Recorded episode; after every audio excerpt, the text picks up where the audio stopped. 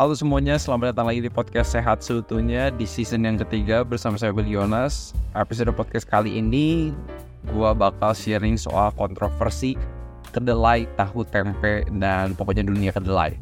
Apakah itu protein isol, soy protein isolate, uh, pokoknya dalam bentuk apa pun tapi kedelai. Karena ini kontroversinya masih banyak banget, gue gemes banget, baru juga dapat DM dari salah satu temen uh, temen pelari yang jadi plant based juga. Terus banyak orang yang tiba-tiba nge-DM dia gitu concern karena oh kedelai ini bisa buat ini bisa buat itu dan kita akan kupas di episode podcast kali ini. Oke okay? so mitos-mitos yang banyak mengenai kedelai itu oh men banyak banyak banget lah. Terutama hubungannya uh, perempuan laki-laki juga tapi ada. Contoh kedelai itu banyak estrogennya dan itu bisa meningkatkan resiko kanker. Itu mitos-mitos yang ada. Terus mitos yang lainnya oh lu banyak makan kedelai pinggul sama paha lu bakal jadi besar. Oke. Terus mitos yang paling sering juga ini buat para laki-laki oh kalau lu sering banyak makan kedelai akhirnya lu jadi nggak subur. Itu akan uh, menurunkan hormon testosteron lu lu nggak akan bisa grow muscle udah gitu akan jadi women's boobs juga uh, itu yang banyak banget beredar gitu uh, mengenai kedelai oke okay? Itu mitos-mitosnya. Faktanya adalah, well, kedelai tidak mengandung estrogen.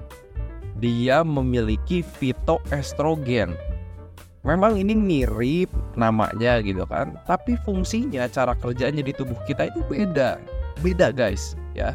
Teman-teman harus garis bawah ini, gue udah gemes banget nih sama mitos-mitos kedelai yang emang beredar. Fitoestrogen yang ada di produk kedelai itu tidak sama dengan estrogen. Fungsinya juga beda. Nanti kita akan lihat ya. Kita akan lihat dari penelitian-penelitian terbaru yang gua kupas tahun 2022, tahun 2021 still konsisten gitu hasilnya. Oke. Udah gitu faktanya juga soal kedelai adalah kedelai itu mengandung asam amino yang lengkap. Jadi kalau teman-teman yang pengen grow muscle, pengen maintain muscle mass-nya, ya kedelai ini salah satu source of protein yang bagus di pola makan nabati. Maupun teman-teman juga nggak makan pola makan nabati tapi kedelai bisa dimanfaatkan. Apakah itu dalam bentuk kacang kedelainya edamamenya tahu tempenya? Apakah itu uh, susu protein uh, yang terbentuk dari juga susu kedelai bisa banget.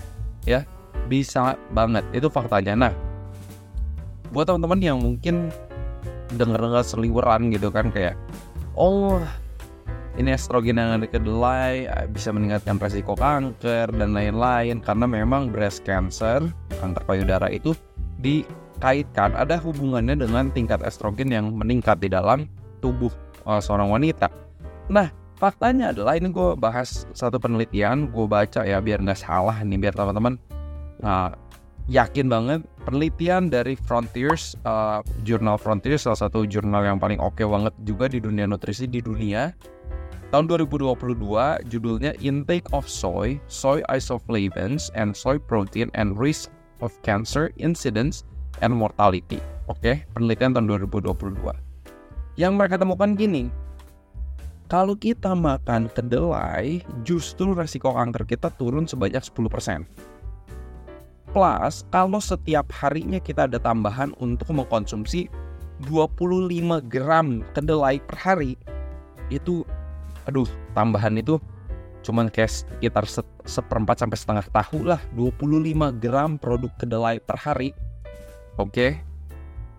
resiko kanker itu turun lagi sebanyak 4% penelitian tahun 2022 guys ini penelitian meta analisis gabungan dari penelitian-penelitian yang ada.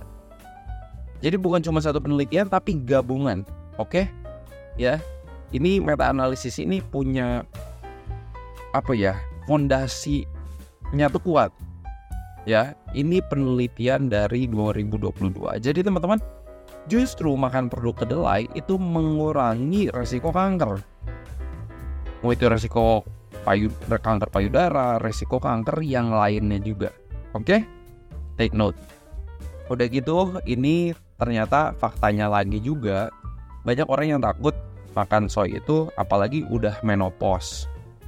Udah gitu kan uh, kita makan estrogen nih katanya dari produk kedelai. Justru teman-teman uh, menopause ini kan banyak perempuan yang struggle dengan hot flashes ya kan menopausal symptoms gejala-gejala yang bikin badan nggak enak gitu ya jadi badan jadi cepat panas yang lain padahal ngerasa kedinginan dia panas aja sendiri gue udah banyak ketemu orang-orang yang kayak gini dan teman-teman ini penelitian dari uh, tempat gue intern pas di Washington DC di Physicians Committee for Responsible Medicine PCRM Dr. Neil Barna, Dr. Hannah Kaliova mereka bikin penelitian di tahun 2021 justru ketika mereka menambahkan produk kacang kedelai setiap harinya sekitar setengah cup ya per hari makan kacang kedelai dan plus plant based diet ya itu bisa mengurangi symptoms atau gejala dari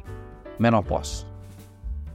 Coba bayangin teman-teman, terutama hot flashes, ya orang yang ngerasanya panas-panas terus ketika mengalami menopause, itu gejalanya bisa turun sebanyak 79%.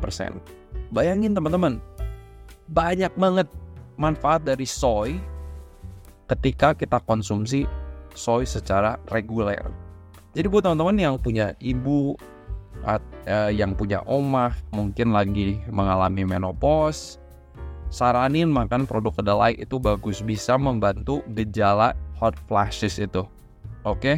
In fact yang menarik kalau orang-orang banyak yang takut makan produk kedelai karena ada estrogen ya padahal fitoestrogen justru makanan hewani yang banyak mengandung estrogen ya.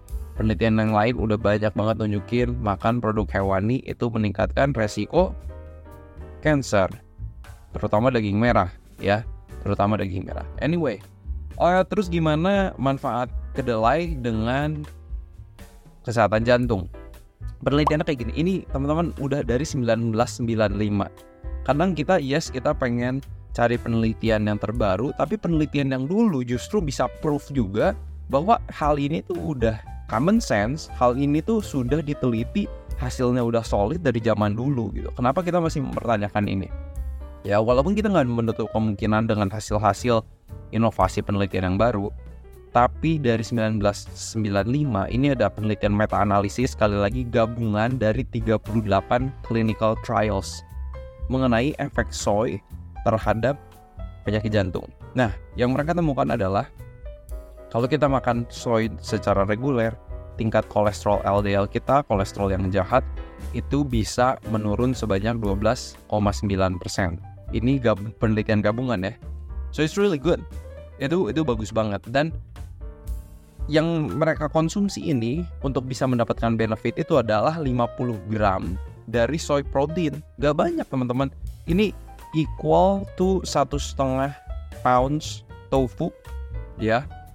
Hingga nggak nyampe sekitar satu pounds itu kan satu pounds satu pounds satu pounds itu sekitar setengah kilo lah ya kurang lebih more or less lah setengah kilo jadi sekitar 3 per 4 kilo kita mengkonsumsi soy justru manfaatnya banyak LDL kita bisa turun ya kalau kita misalnya minumnya dalam bentuk soy milk itu sekitar 8 ounce glasses eh, 8 gelas 8 gelas soy milk.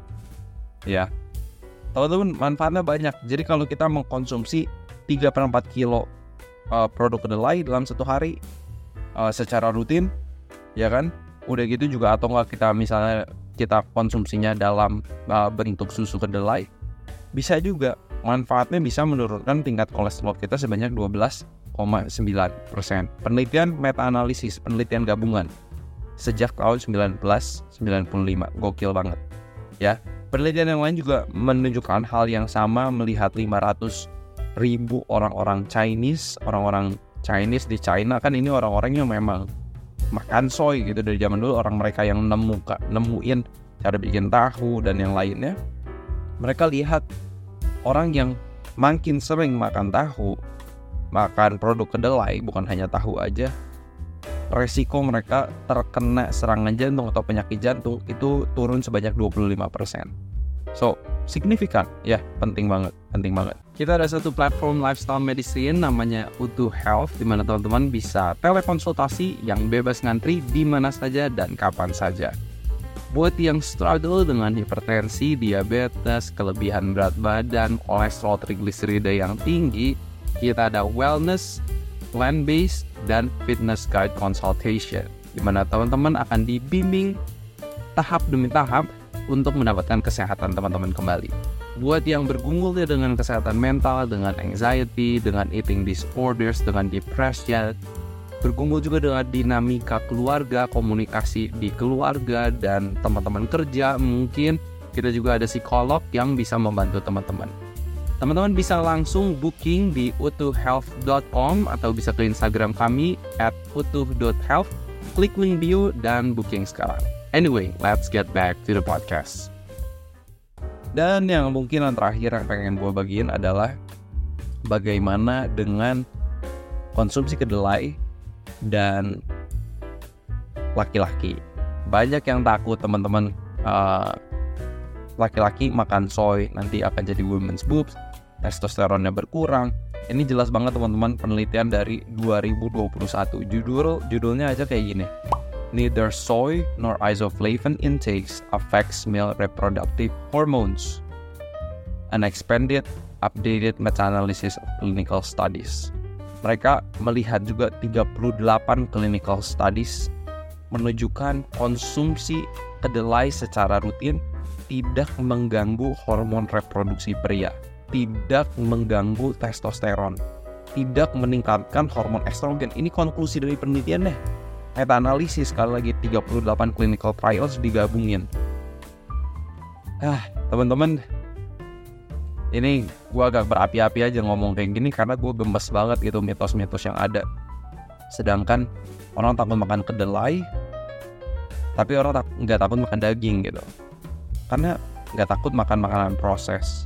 Kenapa yang diserang kedelai terus gitu uh, yang diserang uh, bayam kangkung misalnya buat asam urat. Tapi teman-teman manfaat dari konsumsi kedelai itu banyak banget. Jadi teman-teman semoga episode singkat ini bisa meyakinkan teman-teman lagi bahwa aman untuk mengkonsumsi kedelai. Kedelai justru menurunkan resiko kita terhadap kanker terhadap uh, penyakit jantung. Udah gitu juga membantu para wanita yang lagi mengalami hot flashes di saat menopause-nya dan tidak membuat laki-laki itu hormon testosteronnya turun atau meningkatkan hormon estrogen estrogennya. No. Ya, yang ada di kedelai itu fitoestrogen dan itu berbeda cara kerjanya dengan estrogen. So teman-teman, kalau teman-teman mendapatkan podcast ini bermanfaat, boleh share ke teman-teman yang lain. Semoga semakin banyak yang terpapar informasi ini, semakin banyak yang aware dan share supaya orang tidak takut makan tahu tempe, edamame, produk kedelai lainnya. Seperti biasa harapan saya semoga kita sehat seutuhnya.